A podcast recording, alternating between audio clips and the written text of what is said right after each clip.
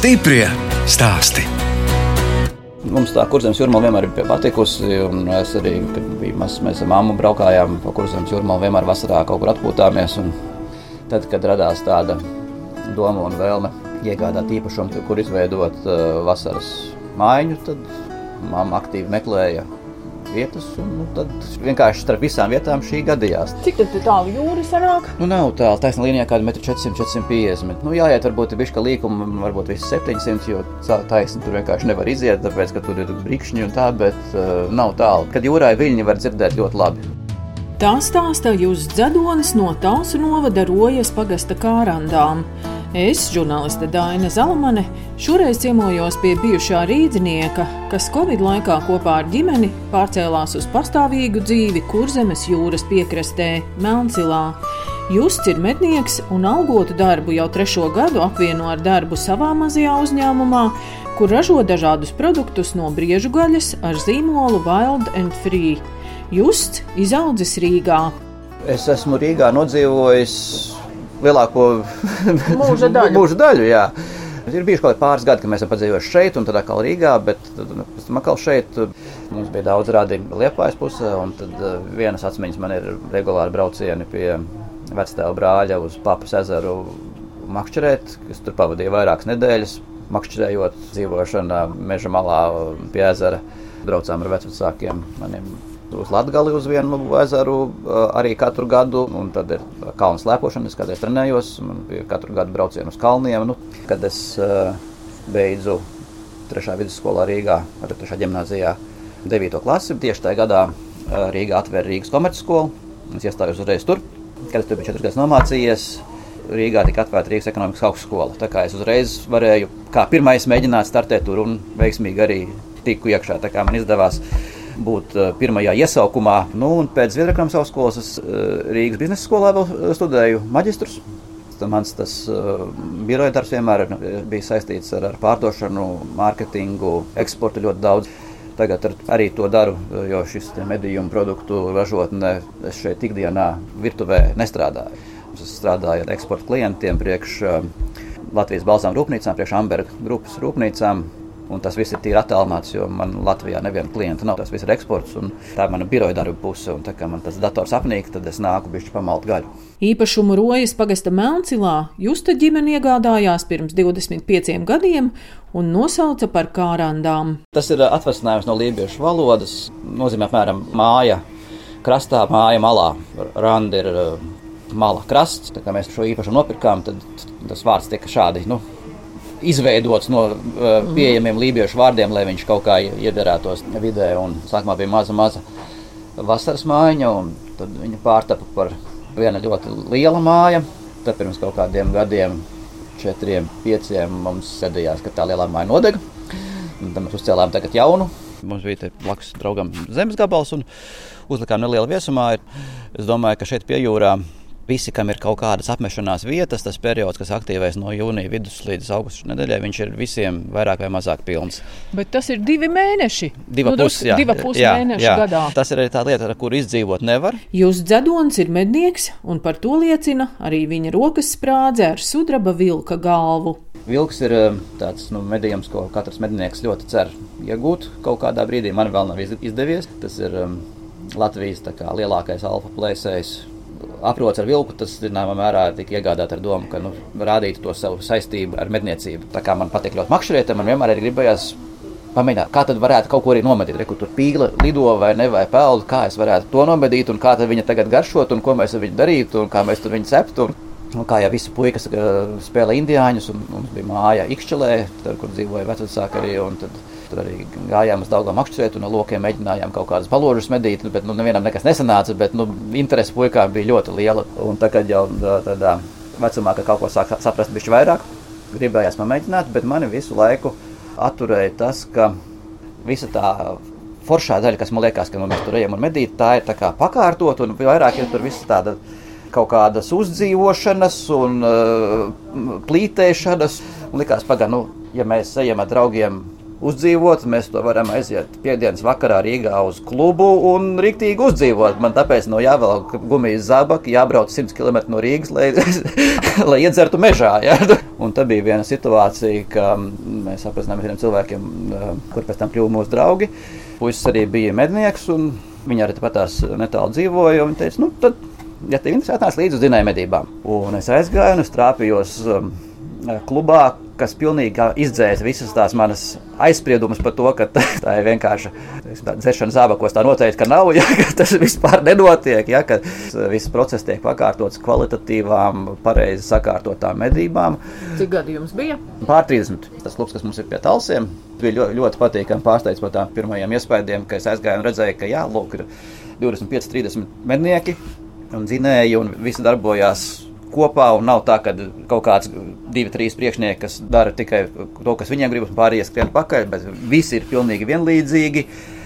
Viss process ir sakārtots tā, lai dienas laikā maksimāli efektīvi medītu, lai tos nomedītos dzīvniekus pēc iespējas ātrāk uh, dabūtu no meža ārā, lai viņus apstrādātu, sadalītu. Nu, viss bija pilnīgi savādāk, kā uh, bija tās mans aizspriedums. To pirmo sezonu aktīvi nogāju uz visiem dzinējiem, Un uz sezonas beigām jau sāku mācīties, kā lai nokārtot eksāmenu, un uz nākamo vasaru jau biju ticis pie savas uh, apliecības, un arī pieroči, jā, un tas arī process viss vis aizgāja.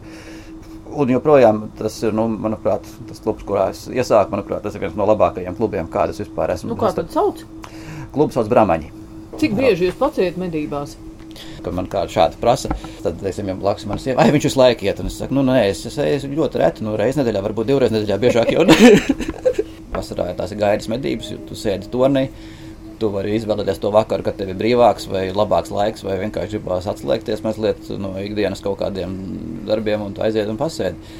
Tā kā sākās ziemas sezona, dzinēja medības, tās ir parasti sestdienas un svētdienas katru weekendu kaut kur kaut kas notiek. Un kāpēc ir divi medību kolektīvi? Nu, Lai lielākas iespējas būtu kaut kur doties. Jā, jā. Nu, vēl šeit aizpēc pie kāda trešā ciemos, lai aizbrauc, ja gadījumā pašam nekas nenotiek. Bet tas ir tāds periods no 1. oktobra līdz janvāra beigām, ka praktiski katru nedēļas nogali kaut kur kaut kas uh, notiek. Un, un tas ir tādas intensīvākas dienas, zinājumā, medībās. Tur jāreikinās, ka celies 4 no rīta un atgriezies mājās jau ir 9 vakarā, un tā ir visa diena. Nu, man gan rodas sajūta, ka to dzīvnieku paliek vairāk Latvijā.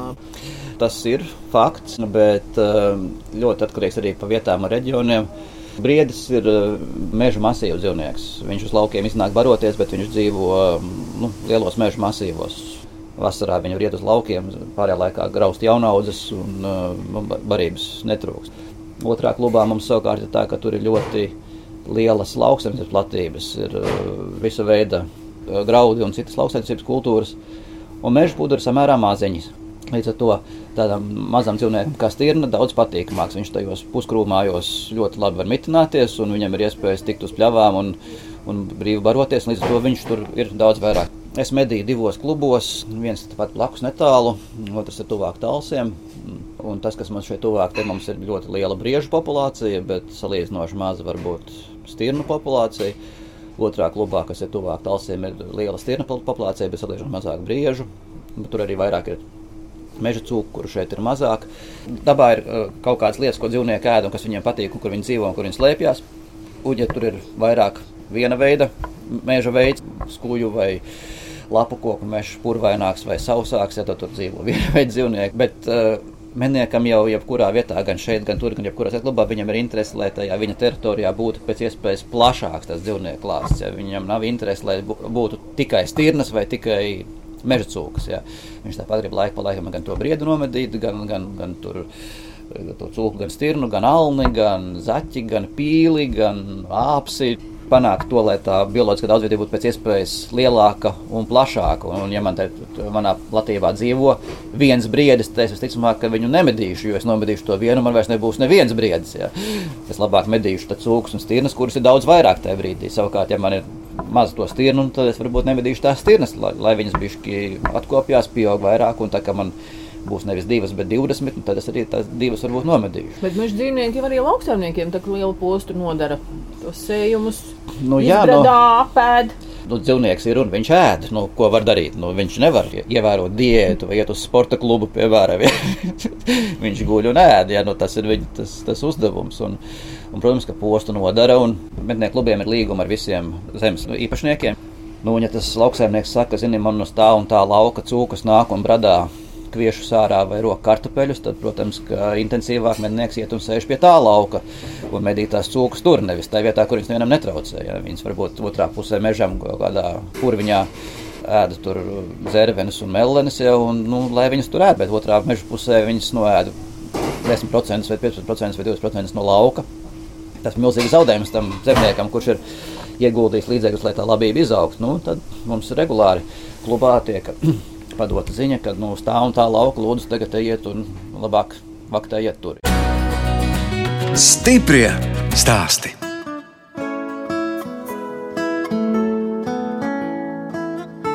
Skan redzējums stipri stāsti. Šoreiz ciemojos pie uzņēmēja Justa Dzedona, Talsu novada Rojas pagasta kārandās. Justa vaļasprieks, medības izaudzis par nelielu biznesu, un brieža gaļas produkti tiek tirgoti ar zīmolu Wild and Free. Tas produkts ir krietni tīrāks un veselīgāks. Ja tur meža gaļā ir daudz mazāk holesterīna, mazāk tauku, dzīvnieks ir audzis bez stresa, tā gaļa ir uzturvērtībām bagātāka, vieglāk sagramojama, bet nu, viņai ir sava specifika. Viens ir tas, ka tīri no garšas viedokļa tev ir jāsaprot, ko tu tur uztaisīsi, un jābūt arī spējīgam notestēt uz saviem mainniekiem, ja katru jaunu recepti, lai saprastu, kas kuram garšo un kā jāpieregulē. Jābūt arī mazliet tādai pavāra sajūtai, tīri uz uh, komponentiem, ko var likt kopā, ko nevar likt kopā. Man arī patīk gatavot ļoti līdz ar to.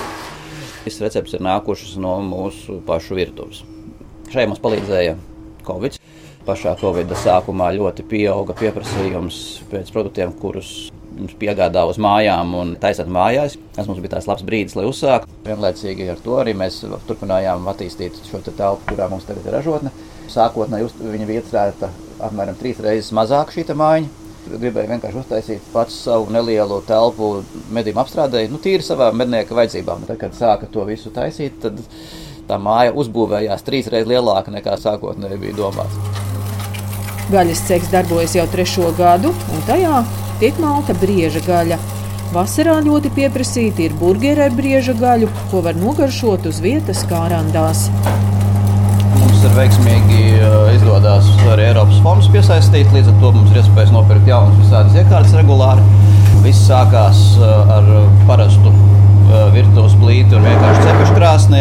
Tagad nu, ir te, profesionālās iekārtas sapirktas pa vienai, vien, pa vienai. Vien. Bija parasts koka galds ar plasmasas pārklāju, tagad viss ir nerūsējuši metāla mēbeles. Pašlaik procesā ir Vēl viens Eiropas uh, projekts, kur paredzēts ir papildus ventilācija un nosūkšanas sistēma, lai būtu labāka gaisa apmaiņa. Principā katru gadu kaut ko jaunu liekam klāt. Tā ir skats? Nē, šī ir šoka saldētava. Tie ir mīnus 20 uh, pāri grādi, bet uh, 21, jā, bet viņš vienkārši to dara ļoti ātri. Ieliekot kaut kādā pusotrā stundā, viss ir sasaldēts. Tālāk jau viņi var fasēt un likt tālāk tajās pārējās saldētavās, kas ir blakus telpā, kur uzglabājās jau tirzniecībai produkts konvekcijas krāsnes. Iet iekšā tur kaut kādas 7, 8 paklātes, līdz ar to tur var uzreiz ļoti daudz vienā reizē salikt. Tad vakumiekārtas, svari ar marķēšanu.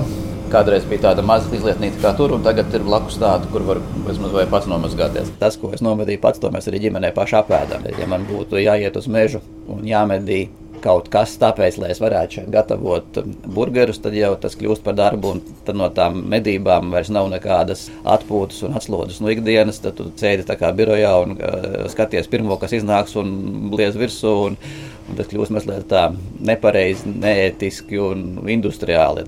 Tas jau tā kā lopkopis tad uzvedies. Licences mednieku klubiem ir vairāk nekā viņi spēj patērēt, ir klubi, kas daļu nomedīto dzīvnieku realizē, un tad nu, mēs arī pie šiem dzīvniekiem tiekam, un tad viņi tiek sūtīti uz licencētu kautuvi, kur viņi, viņi tiek pārbaudīti un apstrādāti atbilstoši prasībām, un tad mēs viņus saņemam ap apakaļ jau. Un cik liela konkurence ir šajā nišā, medījumu gaļa?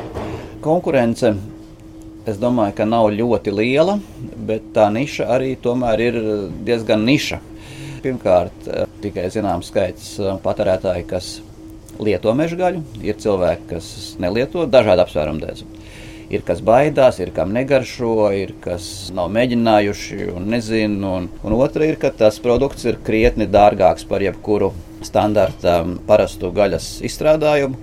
Pieliekot klāt visus izdevumus, kas ir ražošanai un arī kaut kādu uzdevumu uzturējumu, tas produkts ir krietni dārgāks. Jā pēc piena un maizes un jogurta dodas uz veikalu katru otro, trešo dienu. Iespējams, tādu to medījumu viņš varbūt nopērk no mums reizi mēnesī, varbūt reizi ceturksnī, lai varētu apstrādāt medījumu gaļu un viņu tālāk nodot tādiem kā mums ražotājiem. Kaut vai ir speciāls prasības, tik cik man pašam vajag, man ir daudz izdevīgāk samaksāt par pakalpojumu tam, kuram tas jau ir, nekā visu to kārtību nodrošināt sev šeit nelielā telpā, kura principā nekam citam arī pēc tam nav izmantojama. Viņi tur vienkārši stāv, dokumenti un bīstami atkritumi un vispārējais veterinārs ārsta klātbūtne vajadzīga un atzinumi. Nu, ja mums gadā vajadzētu tūkstotis briežus, tad droši vien tam būtu kāda nozīme. Bet kamēr mums gadā vajag līdz simts briežiem, tad uh, daudz izdevīgāk ir izmantot ārpakalpojumu šeit lietai. Kur tad jums ir tā kautuve? Rīgā. Šogad eh, mums ir iegādāts eh, arī pašiem termoregulācijas busiņš. Vairāk ir produkcijas piegādē. Piegādājam produkciju Rīgas virzienā reizes nedēļā. Tad viņam ir termoregulācija, viņš brauc ar mīnus 10, 15 grādu temperatūru, jo um, visa mūsu produkcija uh, tiek piegādāta saldētā veidā. Līdz ko tiek sagatavots, uh, pirmais, kas tiek darīts, ir viņi, viņi tiek sasaldēti. Šo, jā, šoka, jā, pēc tam safasēti. Ir tikai daži produkti, kurus mēs kādu laiku vēl nesaldējam, piemēram, steiks un šašliks. Viņus atstājam marinēties kaut kādas 4-5 dienas, viņi stāv leduskapī parastajā temperatūrā neizmantojam, izņemot sāli, nekādus citus konservantus. Tur nav nekādi stabilizatori klāt un citi ekstra baktēriju kāvēji, kas varētu ļaut viņai vizināties tāpatās. Mēs arī etiķi neliekam, piemēram, šašlikam, ja nu, etiķis būtu ļoti labs baktēriju iznīcinātājs. Šašlika marinādē ir tikai olīveļa un garšvielas. Tā saldēšana nekaitē briežgaļai nevar saldēt vaļā, ciet, vaļā, ciet, bet pirmo reizi viņa tiek sagatavota un viņa tiek sasaldēta lielos iepakojumos. Viss ir vakumā. Nu, tad šo jaunu produktu arī mēs vienu reizi sasaldējam, un tā viņš stāv. Un tā, kad atlaidina, tad jau tad viņš ir vai nu jāpēd, vai jāskatās līdz galam, un tad jāpēd. Kāds arī iebrauc šeit? Jā, jā ļoti, ļoti daudz jā? iebrauc. Jā. Nu, šodien mums ir klusākā diena pie jūrā, pirmā otrā diena cilvēku nav, bet sākot no trešdienas līdz nedēļas beigām brauc un nedēļas nogalēs ir sevišķi. Uh, ir cilvēki, daudz, kam ir šeit tūmā vasarnīcas vai brīvdienu mājas. Mums ir veikaliņš, tur ir kase, lete, plaukti, visas saldētavas. Uh, Mums ir gandrīz 40 dažādi nosaukumi cenu lapā. Tas man citu arī pārsteidz, ka ir tik liela tā dažādība. Tas neapgrūtina dzīvi. Visi tie produkti tur ir nevis tāpēc, ka mums vienkārši gribās garu skaitu, bet tāpēc, ka katram produktam ir kaut kāds savs pircējs. Ir viens, kuram vajag pārsvarā burgerus, viens, kam vairāk patīk steiki Trešām patīk pankūks vai kāpos stīteņi, un tad ir kāds, kuram ir ļoti garšo lazaņa, un tad ir vienmēr vajag kaut kādas desiņas nopirkt. Ja. Līdz ar to tas klāsts arī tāds ir. Un, mm, gar jūru tā turisma plūsma ir ļoti, ļoti koncentrēta. Lielos vilcienos divus pus mēnešos mēs redzam reālu turismu plūsmu no jūnija vidus līdz augusta trešās nedēļas beigām. Augusta ceturtdienā vairs nav, jo tad jau visi gatavojas skolai un jau tikuši atpakaļ no savām lauku mājām uz, uz Rīgas dzīvokļiem vai Rīgas mājām. Bet, eh, attiecīgi, tajā laikā mums krasi pieauga pasūtījumu skaits, ko mēs vedam uz Rīgu. Nu, tā kā jūs savam uzņēmumam esat devis tomēr angļu nosaukumu, jā, Wild and Free, jā. tas nozīmē, ka jūs tomēr orientējaties arī uz kaut kādu eksportu? Jā, pilnīgi viennozīmīgi jau sākotnēji, kad mēs sākām to darīt, eh, tas nozīmē arī tā, ar tādu domu tapu, ka līdz ko būs pirmās iespējas, meklēsim arī kādu noietu ārpus. Skandināvija būtu primārais, jo eh, tur meža gaļu pazīst, viņa ir populāra. Eh, Zviedrijā, Norvēģijā sabiedrībai kopumā ir ļoti pozitīva attieksme gan pret medniekiem, gan pret medījumu gaļu. Un medījumu gaļa tur pieejama daudz plašāk nekā Latvijā. Pat benzīna tā kā var nopirkt kaut kādus aļņa gaļas izstrādājumus. Tas um, cenu līmenis tur ir ārkārtīgi augstāks. Protams, ka Neviens jau tāpēc neiepērk to visu daudz dārgāk no mums, bet tik un tā, ja, nu, ja, ja izdotos atrast uh, partnerus kādus tur, tad. Vēl meklējat? Jā, mēs meklējam. Šobrīd neviens konkrēts, kā mēs varētu teikt, rītdien mēs vedīsim, nav, bet uh, intereses ir bijušas. Es vispār eksportā strādāju jau gadus pats ar citiem produktiem, un tas process ir ļoti, ļoti lēns. Nu, tur, ja divu gadu laikā izdodas pie kaut kāda tikt, tad tas jau ir diezgan labs rādītājs. Vēl ražotnē ir dažas uh, lietas, papildus uh, jāuzlabo, lai mēs varētu atbilst šīm visām eksporta vajadzībām. Stiprie stāsti!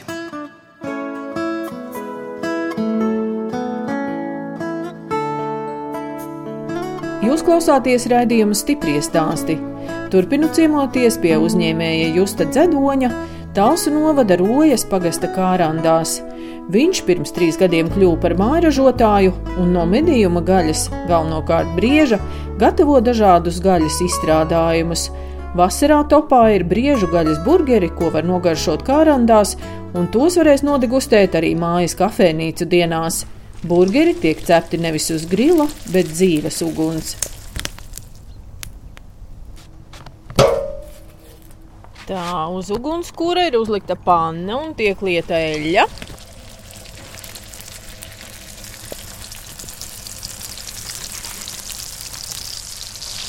Cik ilgi jācep? Tāda Ļoti ātri būs. Ļoti ātri būs. Tā kā pāna ļoti karsta.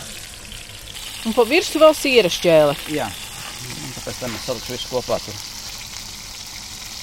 Bet droši vien tas, ka pats cilvēks var redzēt to procesu, nu, tas arī ir ļoti patīkami? Jā, nu ļoti liela daļa viesu nāk klāt un uzreiz skatīties. Un rekumanējais, rekumanējais. Mājas kafejnīcas dienas. Jūs piedalāties tāpēc, lai cilvēki varētu nogaršot, kas tad ir tā medījuma gaļa, tie, kuri baidās no tās medījuma gaļas. Pirmā reize mēs startējām tieši tā doma, ka mēs gribējām pareklamēt mūsu uzņēmumu, lai cilvēki iebrauc un apskatās. Cenšos pēc iespējas vairāk rādīt, stāstīt, skaidrot, kāpēc tas produkts ir labs, kā viņu vajag ēst, kā viņu vajag gatavot. Mēs esam par slow food. Ir jāēd lēnām, prātīgi un, un ar baudu un garšīgi. Un arī, lai gan mēs šeit uz vietas pasniedzam burgerus, kas ir ā, ātrās uzkodas, mēs sakām, mums ir ā, fast food, slow food pie- piedāvājums. Ja, tā tad jūs dabūsiet to produktu diezgan fiksi, bet mēs pat burgeriem ā, baltmaizi neliekam, mēs liekam graudu maizi, lai būtu šķiedrvielas vairāk. Cilvēki vaicā, no kurienes tas briedis un, un kādas tā tās medības un kā jūs to darat. Un tad mums te visādi ragi apkārt salikti, un tad bērni prasa, kas ir tas un kas ir šitas. Un tad, Es vai mans puika dēls, kurš arī iet medībās aktīvi, nu, viņš vēl gan ir pa jaunu, lai iet ar ieroci. Es domāju, ka viņš zina daudz vairāk par dažu labu pieaugušu uh, vīrieti, par to, kas notiek mežā. Tas cilvēkiem patīk, un mēs parādām arī, kāda ir ražotnīca, lai saprotu, ka, ka tā nav vienkārši mājas virtuve, ka mums ir tāda telpa, kur ir medījuma dzēsēšana, kas arī visiem interesē, kas tur ir iekšā. Ja nu, mēs uz kafejnīcas dienām tur nevienu dzīvnieku nekarinām, lai nebaidītu mazus bērnus, kas iebraukuši ar vecākiem uzēst burgerīti. Jums kaut kāda cita vaļas prieka arī ir bez medībām. Jā, ir visa ģimene, mēs nodarbojamies ar kalnu slēpošanu. Latvijā maz tā sniega mums pēdējos gados. Protams, ja uzsniegts foršnieks, tad aizskrien vienu vakaru kaut kur paslēpo, bet mēs parasti braucam uz Austriju un izvēlamies nedēļu kaut kad pavasarī brīvdienās skolēniem. Tā kā tās lielākas braucienas. Kā daudz mednieki dara, mēs arī makšķerējam. jā. Jūrā. Nē, mums ir ģimenē gadā viena nedēļa, kad mēs braucam peldēties uz Latgali.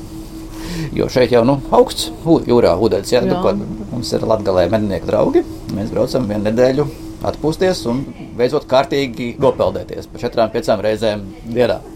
Nu, tad mēs arī tur makšķerējam no rīta līdz vakaram. Nu, šeit tad vēl kaut kur pabraukājam apkārt un, un tad otru gadu mēs esam ar sievu tādu atlicinām sev uh, īsās brīvdienas. Mēs ar mocīs braucam kaut kādu aplīti vai uz vairākām dienām. Tā kā nu, darāmā netrūkst. Uh, Sieva, ko tad jums dara? Mana sieva strādā tādā uzņēmumā, uh, SOS bērnu ciemati. Mums katram ir viena diena nedēļā, kad mēs braucam uz Rīgu, izdarīt visas lietas, kas ir vajadzīgas klātienē. Bet pārējā laikā attālināti, jā, viņi strādā SOS bērnu ciematos. tad Tas organizācija, kas rūpējās par bērniem vai citiem bērniem, kas neatrodas vairs savās ģimenēs un dzīvo tajā SOS ciematu ģimenēs. Un tas ir viņas, viņas darbs jau daudzus gadus. Restorāni, bāri, kafejnīcas 1. septembrī 10% no sava apgrozījuma ziedo Sosbērnu ciematiem, lai nopirktu lietas priekš skolas.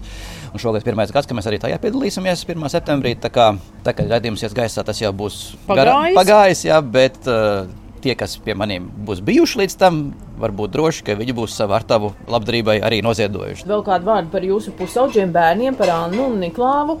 Kā viņi te ir iedzīvojušies? Iedzīvoties nebija īsti grūti, jo visi skolnieki sēdēja mājās, un vai tu sēdi mājās tur vai šur, vispār nav nekādas starpības, jo tāpat tās nekur neviens nekur nevarēja iet. To pirmo mācību gadu viņi pabeidza vēl Rīgas skolā, bet skolā nesot un nevienu nesatiekot. Un nākamā aizgāja jau Rojā uz skolu, un, un klases ir krietni mazākas kā Rīgā. Līdz ar to nu, es domāju, ka pasniedzēji var vairāk uzmanīgi pievērst katram atsevišķi. Un visādas ārpus plaša aktivitāšu iespējas šeit arī netrūkst. Puika man spēlē florbolu, talsos, un meitai ļoti patīk zirgi. Viņa nodarbojas ar jāšanas sportu, arī talsos. Vienīgais visur ir jāved tie bērni. Viņi aizbrauc paši, pēc tam pakaļ jābrauc. Vakarā, jā. jā. Apakaļ viņi vairs nevar pagūt, jo pēdējais autobus ir aizgājis. Tad mums vakarā vienam jābrauc uz talsiem, un viņus no turienes jāsavāc. Laika ziņā ko mēs pavadām viņiem braukt pakaļ uz talsiem, tas ir mazāk, kā mums vajadzēja vai, laiku Rīgā, lai aizvestu viņus, nezinu, pāri tiltam uz tredeģu no centra uz pārdaugu vai otrādā. Sastrēguma nav, ceļi ir tukši, ja nu vienīgais no stirnām un briežiem jāuzmanās. Bet, nu, tas jau katra paša ziņā. Jūs esat arī iesaistījies vietējā dzīvē un esat Roģas turisma biedrības valdes priekšstādātājs. Ko jūs darāt kā vadītājs? Nu, Rojas turisma biedrība tur apvienojušies līdz 20 vietējie turismu uzņēmēji. Tik daudz tomēr ir rojā. Nu, jā, Rojas pagasts sākās Valgalciemā un beidzās šeit aiz Melnsilu, tā kā, nu, savācās jau, jā. Kaut kādus nelielus uh, Eiropas naudiņus piesaistīt kaut kādiem projektiņiem, kaut kādos pasākumos vairāk piesaistīt tieši tos biedrības biedrus, ja ir kaut kāda tirgošana vai Ziemassvētku tirdziņa vai kaut kādas lietas, lai tie, kas vēlās, lai viņi tiktu tur un kaut ko varētu pārdot un attīstīt to savu vietējo mazo uzņēmumu, jo tā visa doma ir tāda, ka veicināt maksimāli to, kas tur iesaistījušies, jebkāda veida attīstību. Rojā ir tāds mazs tirdziņš, kur var tirgoties ar viskaut kādām mājvietē precēm, lai viņas saucās. Un, um, domājam visus tādus veidus, kā viņu pēc iespējas vairāk kustināt tieši tā iemesla dēļ, ka tas turisma plūsma ir ļoti sezonāla un jārālīs lietas arī jūlijā neviena nav. Bet, nu, ja tā zeme cilvēkam ir izaugusi, tad viņa izaug arī lietainā dienā, ja tā viņa kaut kur ir jāliek. Ja tiek meklēt risinājumu, kā to padarīt ar vien dzīvāku un dzīvāku.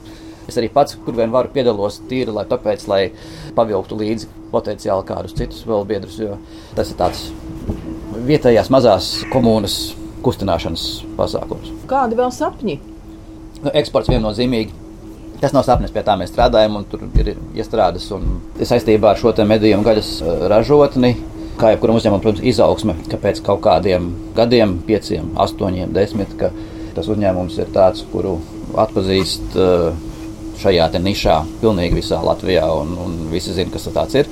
Vēl vairāk pilnveidota vieta šeit uz vietas, kur vasaras periodā cilvēki var iegriezties un kvalitatīvi baudīt medību gaļu. Un, un uh, mēs arī šogad nopirkām traileri burgeru cepšanai. Mēs sākām braukāt pa festivāliem, centīšos attīstīt plašāk, lai pēc gadiem, nezinu, četriem, pieciem, tas mūsu burgeru traileris ir pilnīgi visos Latvijas lielākajos festivālos katru vasaru. Mēs strādājam pie šī brīvā dabā iešanas pasākuma. Ja. Mums arī lēnā garā top dažādas lietas ar mūsu logo un mūsu saukli, popularizēt to dabā iešanas lietu, lai cilvēki pēc iespējas vairāk izmantot iespēju, ka viņi var pavadīt savu brīvo laiku ne televizorā vai tirdzniecības centrā staigāt no veikala uz veikalu, bet vienkārši iekāpt mašīnā un izbraukt uz vienu dienu, pabūt kaut kur ārā, vai viņš tur sēņo, makšķerē, ogo pastaigājās ar suni vai vienkārši sēž uh, pludmalē. Tas ir cits stāsts, bet lai viņi iet ārā, to mēs mēģinām popularizēt, tas mums ļoti, ļoti patīk. Kāpēc cilvēkam vajag to mazo savu uzņēmumu? Jo nu, jūs taču strādājat arī ar privātām preču zīmēm, un nu, droši vien, ka tādā ikdienas dzīvē tur ar tiem ienākumiem pilnīgi arī pietiktu. Vajag, lai dzīve būtu interesantāka.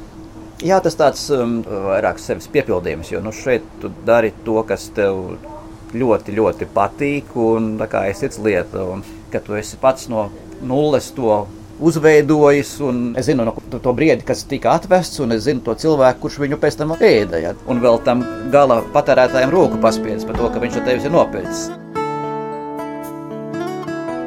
Radījums stipri stāst izskan, un mēs atvadāmies no Justa Dzedoņa, bijušā rīznieka, kas uz pastāvīgu dzīvi kurzemes piekrastē pārcēlās pandēmijas laikā.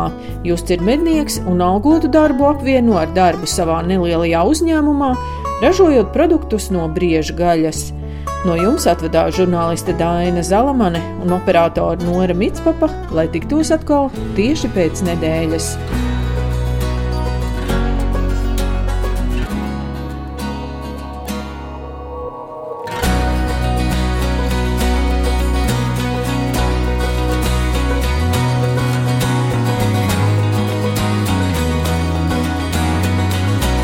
Stiprie stāsti.